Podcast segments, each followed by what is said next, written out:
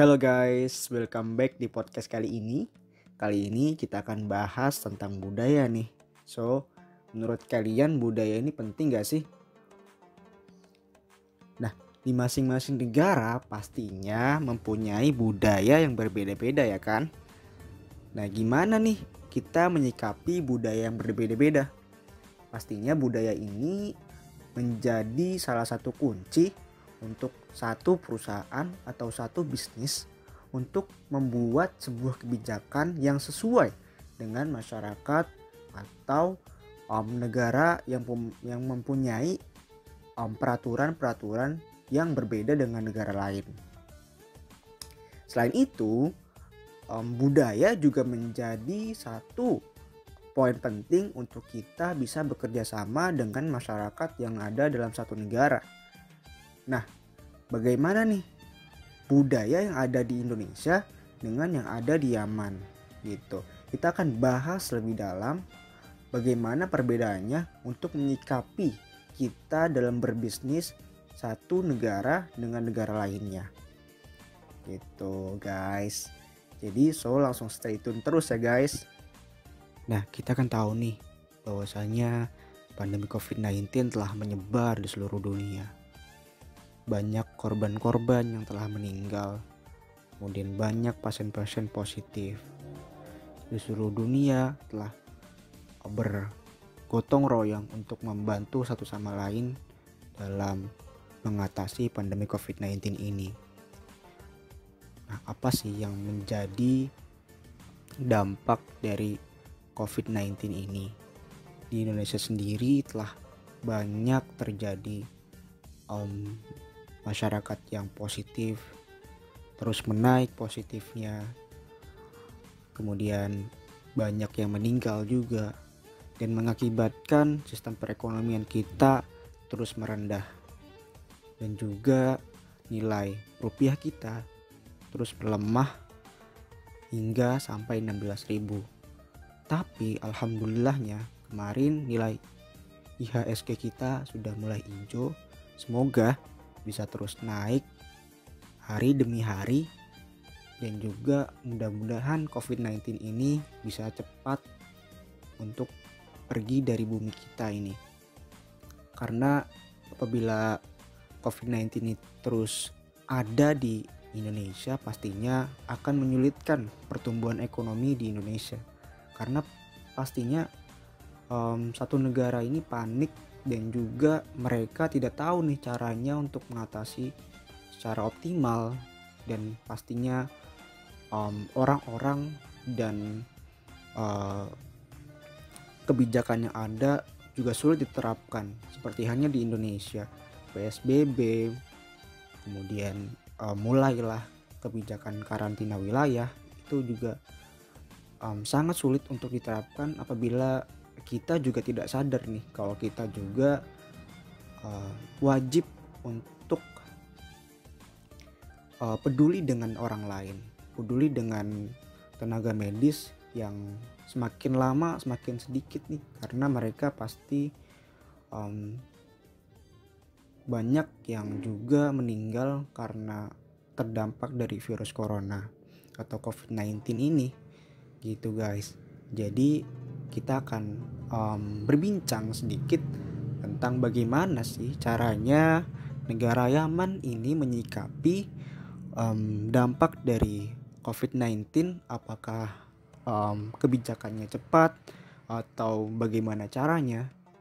Dan apakah berbanding terbalik dengan Indonesia sendiri? Gitu. Um, mungkin kita langsung tanya aja um, bagaimana res kabar kamu kali ini? Apakah um, di sana tetap sehat atau uh, kali ini uh, kondisi di sana bagaimana gitu. Karena memang teman saya sendiri masih di Yaman nih dia uh, mudah-mudahan tetap sehat di sana. Karena memang di Indonesia sendiri dan seluruh dunia itu masih kondisinya parah banget. Jadi mudah-mudahan um, pandemi COVID-19 ini bisa cepat hilang di seluruh dunia dan juga di Indonesia sendiri. Amin Alhamdulillah saya sendiri sehat walafiat dan juga negara Yaman sampai saat ini masih dalam keadaan yang aman, tentram dan damai. Alhamdulillah. Alhamdulillah masih diberikan nikmat sehat dari Allah SWT dan harapannya semua orang entah itu di Yaman maupun di Indonesia dan juga di seluruh dunia masih diberikan nikmat sehat dari Allah Subhanahu wa taala. Oh iya, ngomong-ngomong Mas Fajar gimana kabarnya Mas? Sehat? Alhamdulillah kalau saya sendiri sehat walafiat. Memang saya dan Aji sudah lama nih nggak ketemu nih uh, karena memang harus pulang ke rumah. Jadi ya kita harus berpisah gitu. ya mungkin mudah-mudahan uh, virus corona ini bisa cepat hilang di Indonesia sendiri karena memang kasihan banget nih. Ada beberapa tenaga kerja informal yang harus dirumahkan maupun di PHK nah banyak banget uh, yang sering curhat pada saya juga. Banyak uh, tenaga driver online yang harus tidak mendapatkan uang yang seperti biasanya didapatkan gitu. Jadi untuk kalian yang punya harta berlebih um, tolong untuk kita uh, peduli dengan sesama yang masih membutuhkan itu guys. Oh iya. Gimana nih res? Um, kebijakan di sana apakah uh, berbeda dengan Indonesia sendiri? Jadi uh, saat virus COVID-19 ini mulai merebak atau menyebar pesat ke berbagai negara, seketika itu pemerintah Yaman langsung mengambil tindakan dengan memperlakukan sistem lockdown. Semua lembaga yang ada di seluruh penjuru Yaman termasuk Universitas Al-Ahqaf yang ada di kota Tarim dan di kota Mukalla itu diliburkan. Pemerintah juga menghimbau kepada seluruh masyarakat agar menghentikan pekerjaan sementara, melarang untuk keluar rumah tanpa ada hajat atau kebutuhan yang mendesak dan juga mereka melarang keras akan adanya sebuah perkumpulan. Tetapi pada saat itu kita tetap diperbolehkan untuk keluar rumah namun dengan jangka waktu yang terbatas yaitu mulai pagi sampai pukul 5 sore karena setelah itu ada petugas keamanan yang berpatroli untuk mengamankan eh, apa namanya untuk mengamankan jalan-jalan yang masih dilalu-lalangi oleh masyarakat. Saya juga sempat menyaksikan di sebuah video saya dapat kiriman dari teman saya yang ada di kota Mukalla uh, yang mana video tersebut uh, dalam video tersebut ada salah satu warga negara Yaman yang sedang bersantai-santai di luar di atas pukul 5 sore. Kemudian ada petugas patroli datang. Nah, seketika itu langsung ditangkap dengan secara paksa. Kemudian dibawa ke kantor untuk diinterogasi. Uh, kemudian uh, Peraturan ini berjalan kurang lebih selama dua minggu. Tetapi setelah dua minggu itu waktu keluar masih diberikan jangka waktu yang terbatas namun diperluas lagi sampai pukul 8 malam. Nah, ini juga sempat berjalan kurang lebih selama dua minggu juga karena setelah itu peraturan tersebut dicabut kembali oleh pemerintah. Jadi siapa pun diperbolehkan keluar sebagaimana kondisi biasanya, namun kegiatan belajar mengajar tetap diliburkan. Wah, artinya pemerintah Yaman sangat cepat tanggap ya Mas dalam menghadapi adanya uh, eh, COVID-19. Mungkin ini juga sama Mas, sama juga dengan yang ada di Indonesia di mana pemerintah Indonesia ketika ada berita terkait COVID-19 langsung bergerak cepat untuk menangani uh, penyebaran ini di mana pemerintah ada beberapa yang dilakukan pemerintah dan mungkin yang terbaru adalah PSBB nih mas yang berlaku di Jakarta ya yang di Jakarta atau pembatasan sosial berskala besar di mana aktivitas-aktivitas masyarakat itu udah mulai dibatasi. Tujuannya apa? Supaya menekan angka korban dari COVID-19 19 ini. Karena di Indonesia sekarang memang jumlahnya sudah tak tambah banyak bahkan terakhir itu sekitar 7000 lebih ya 7000 lebih gitu. Dan juga selain dengan penerapan PSBB pemerintah juga menghimbau untuk masyarakat Indonesia untuk uh, belajar di rumah nih mas kita juga nih anak kuliah nih. Kita juga uh, mengikuti aturan pemerintah di mana kami juga diliburkan untuk kuliahnya. Ayo jar. Bener gak Oke Jis, um, kalau menurut saya pastinya ya seperti itulah.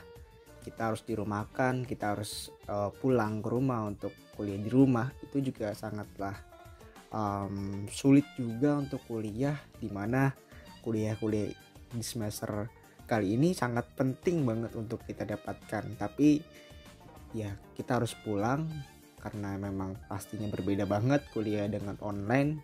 Dengan offline pasti beda hasilnya. Jadi ya udah kita harus tetap uh, kerjakan itu dan kita harus terima bagaimanapun caranya karena memang kita harus ada di rumah gitu. Kita harus ada di rumah nah, gitu.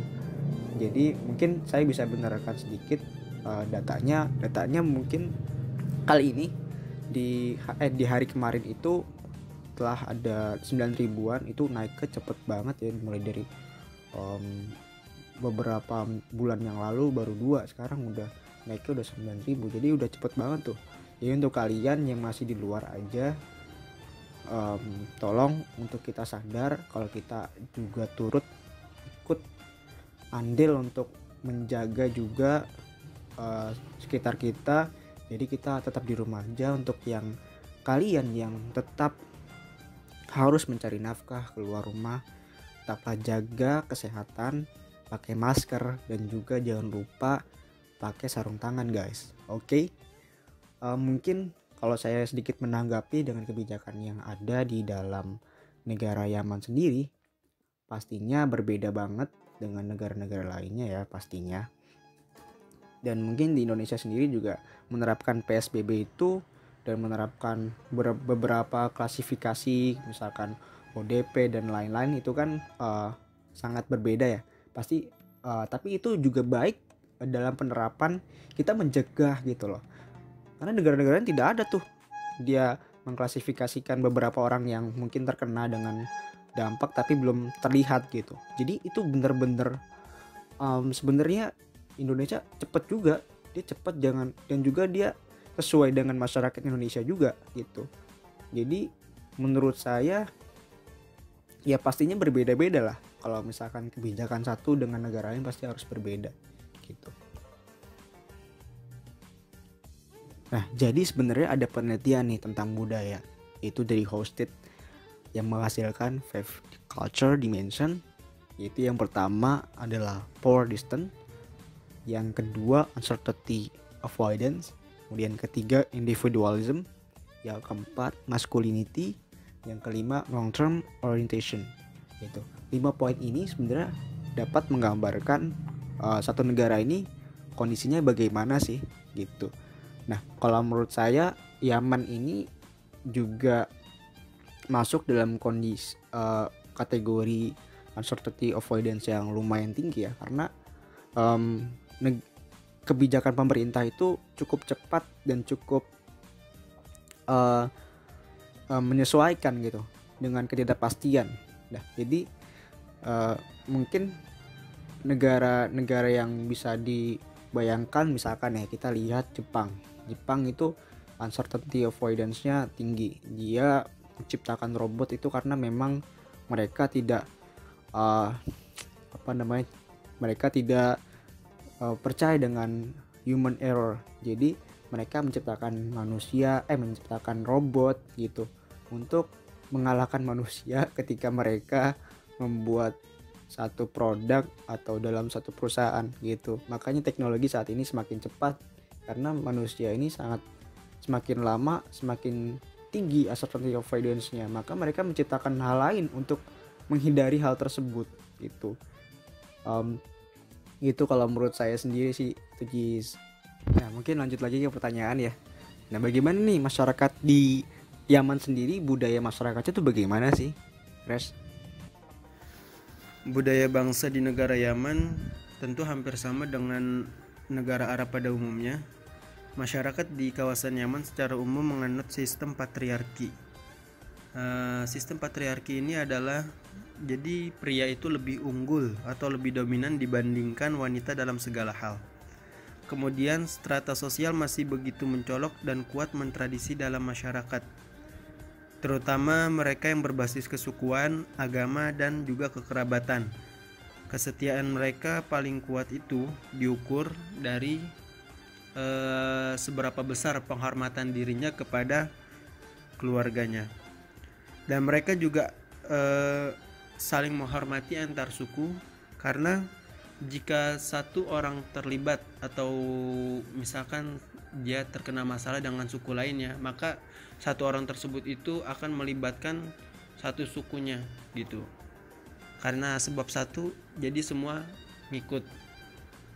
Nah, kemudian karena di sini eh, di pedesaan, jadi otoritas negara itu sangatlah lemah gitu sehingga konflik yang melibatkan kontak fisik dan senjata antar suku itu sangat rentan terjadi. Ya, tak mengherankan jika setiap keluarga mempunyai senjata api, karena mereka tak sungkan juga membawa senjata api tersebut di hadapan publik. Kemudian, selain senjata api, juga uh, mereka sering membawa senjata tradisional seperti janbiah. Janbiah ini uh, modelnya seperti pisau belati, namun di bagian bawahnya itu dia agak sedikit lebar e, karena janbiah ini juga merupakan simbol status seseorang dalam kesukuan masyarakat yang ada di Yaman. Hmm, berarti emang ya mas tradisinya di sana masih menganut emang menganut uh, tradisi lama ya. Hmm. Mungkin dulu juga Indonesia seperti itu ya. Contoh seperti perang suku ya, yang masih rentan juga konflik. Tapi alhamdulillah sekarang di Indonesia perang antara suku itu sudah mulai menghilang atau udah diminimalisir lah diminimalisir. Dan juga toleransi juga nih. Toleransi juga di Indonesia sudah mulai membaik juga. Ya kejar um, saya setuju banget dengan pendapatnya Ajis. Karena memang masyarakat Indonesia mulai paham akan adanya toleransi terhadap masing-masing uh, individu karena memang itu sangat penting untuk kita jalankan di Indonesia sendiri gitu. Nah mungkin kita bahas tentang budaya di uh, negara Yaman kalau menurut saya sendiri um, pastinya negara-negara uh, yang masyarakatnya mayoritas Islam pasti menerapkan yang namanya masculinity yaitu um, cowok atau pria itu lebih tinggi derajatnya dengan wanita. Nah, itu ada dalam satu teori namanya Hosted, Five Culture Dimension. Nah, hal ini menjadikan satu negara ini sebenarnya ada plus minusnya itu. Tapi uh, sebenarnya negara-negara yang bisa mencapai tingkat ekonomi yang tinggi sebenarnya wanita itu juga harus mau bekerja di luar. Kenapa? Karena dengan mereka bekerja, maka dengan otomatis sebenarnya ekonomi kita tuh meningkat gitu. Jadi apabila sebenarnya wanita atau bisa disebut juga emansipasi wanita kan kalau bahasa mudahnya gitu.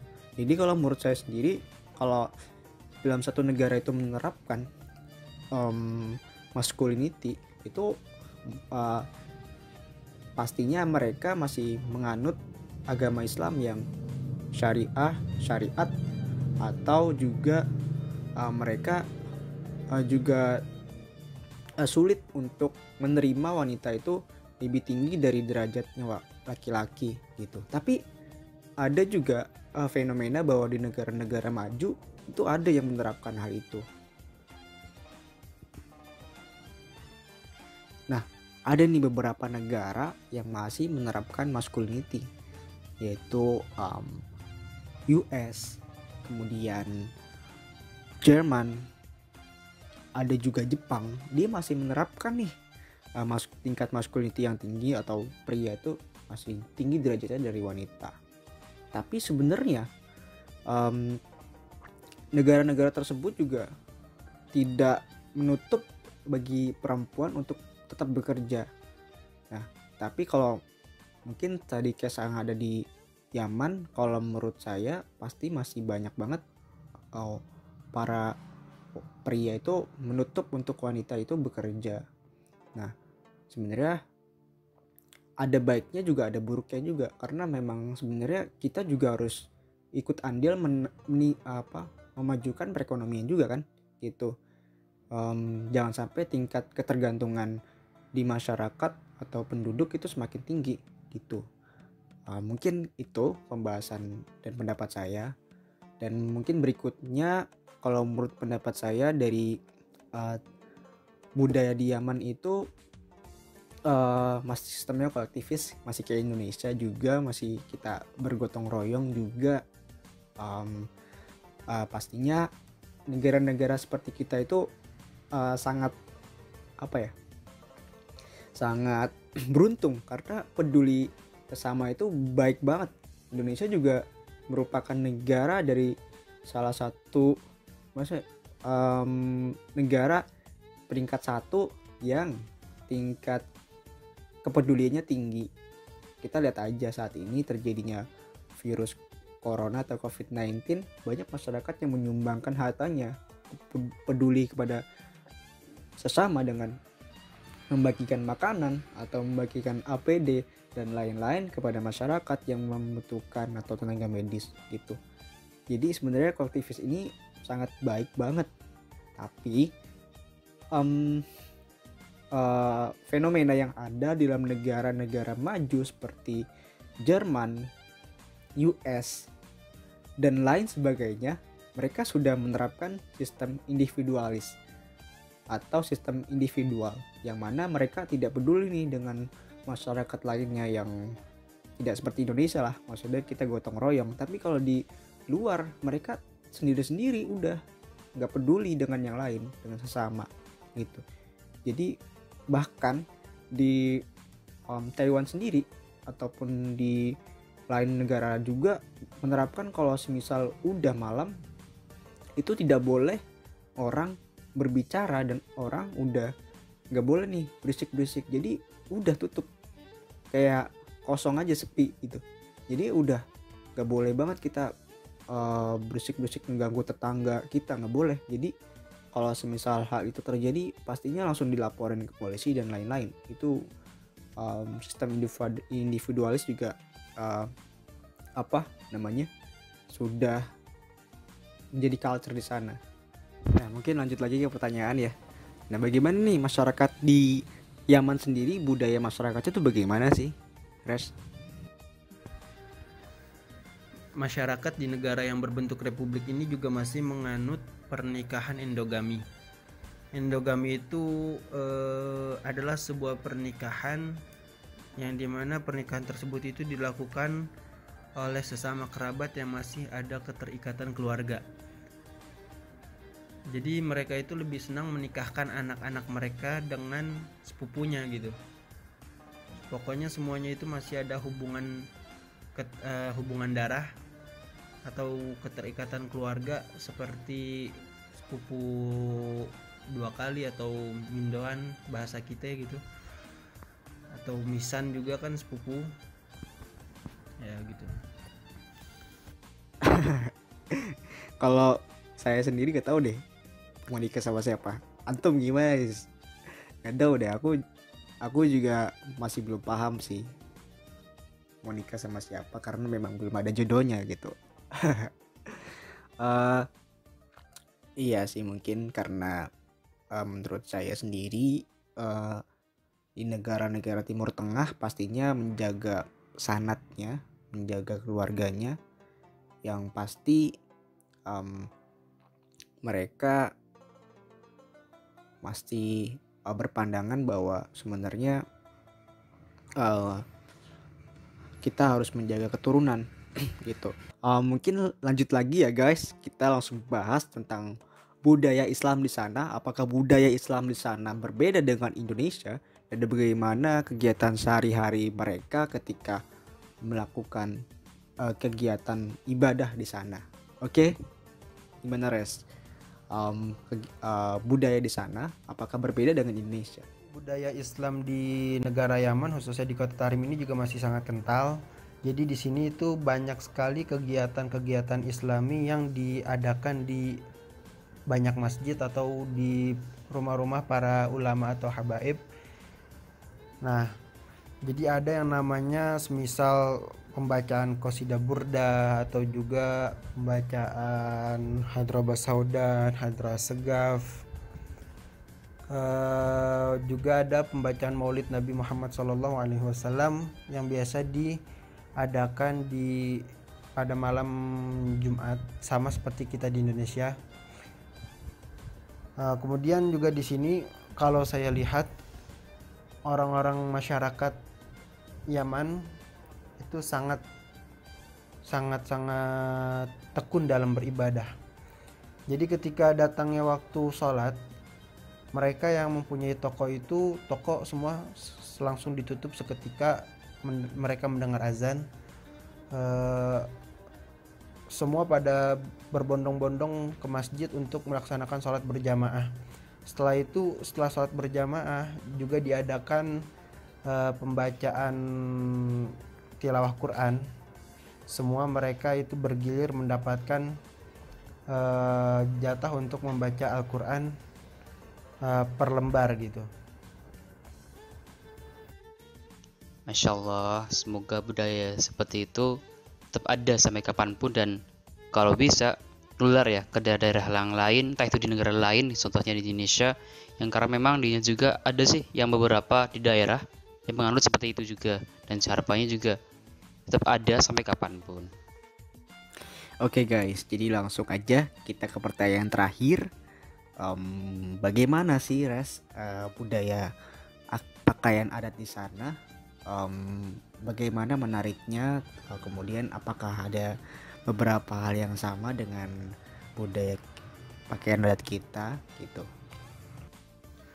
Kemudian dari segi adat berpakaiannya juga tidak ada beda antara Yaman dengan kebanyakan negara Arab yaitu untuk lelaki mereka menggunakan gamis juga menggunakan peci dan atau gotrah-gotrah itu kayak semisal imamah namun itu ala-ala Omani, Saudi ataupun Qatar. Nah, tapi dari kebanyakan mereka juga khususnya yang di Yaman Selatan di bumi Hadromot ini uh, adat mereka itu sama seperti kita orang Indonesia. Mereka sarungan juga pakai baju koko juga peci sama pokoknya seperti kayak kita persis. Nah juga kalau misalkan untuk perempuan perempuan di sini itu wajib untuk mengenakan yang namanya abaya warna hitam atau gamis panjang warna hitam juga wajib berkerudung dan bercadar Oke okay guys, jadi kalian udah tahu banyak kan tentang budaya di Yaman. Nah, kalian udah punya gambaran gak sih bisa punya perusahaan di Yaman? Gimana menurut kalian? Kalian bisa rancang nih planning-planning besar untuk kalian punya perusahaan di sana. Jadi sebenarnya budaya ini sangat penting untuk kita pahami, untuk kita tahu nih dan kita bisa menciptakan kebijakan di sana dan mencari target pasar yang ada di Yaman sendiri itu kita juga bisa ciptakan ide bisnis juga di sana itu pastinya budaya di masing-masing negara pasti mempunyai kebutuhan punya spesifikasi yang berbeda dengan negara kita sendiri dan kita juga harus bisa berpikir inovatif dan kreatif untuk uh, membuat ide bisnis yang bisa sesuai dengan budaya di masing-masing negara itu guys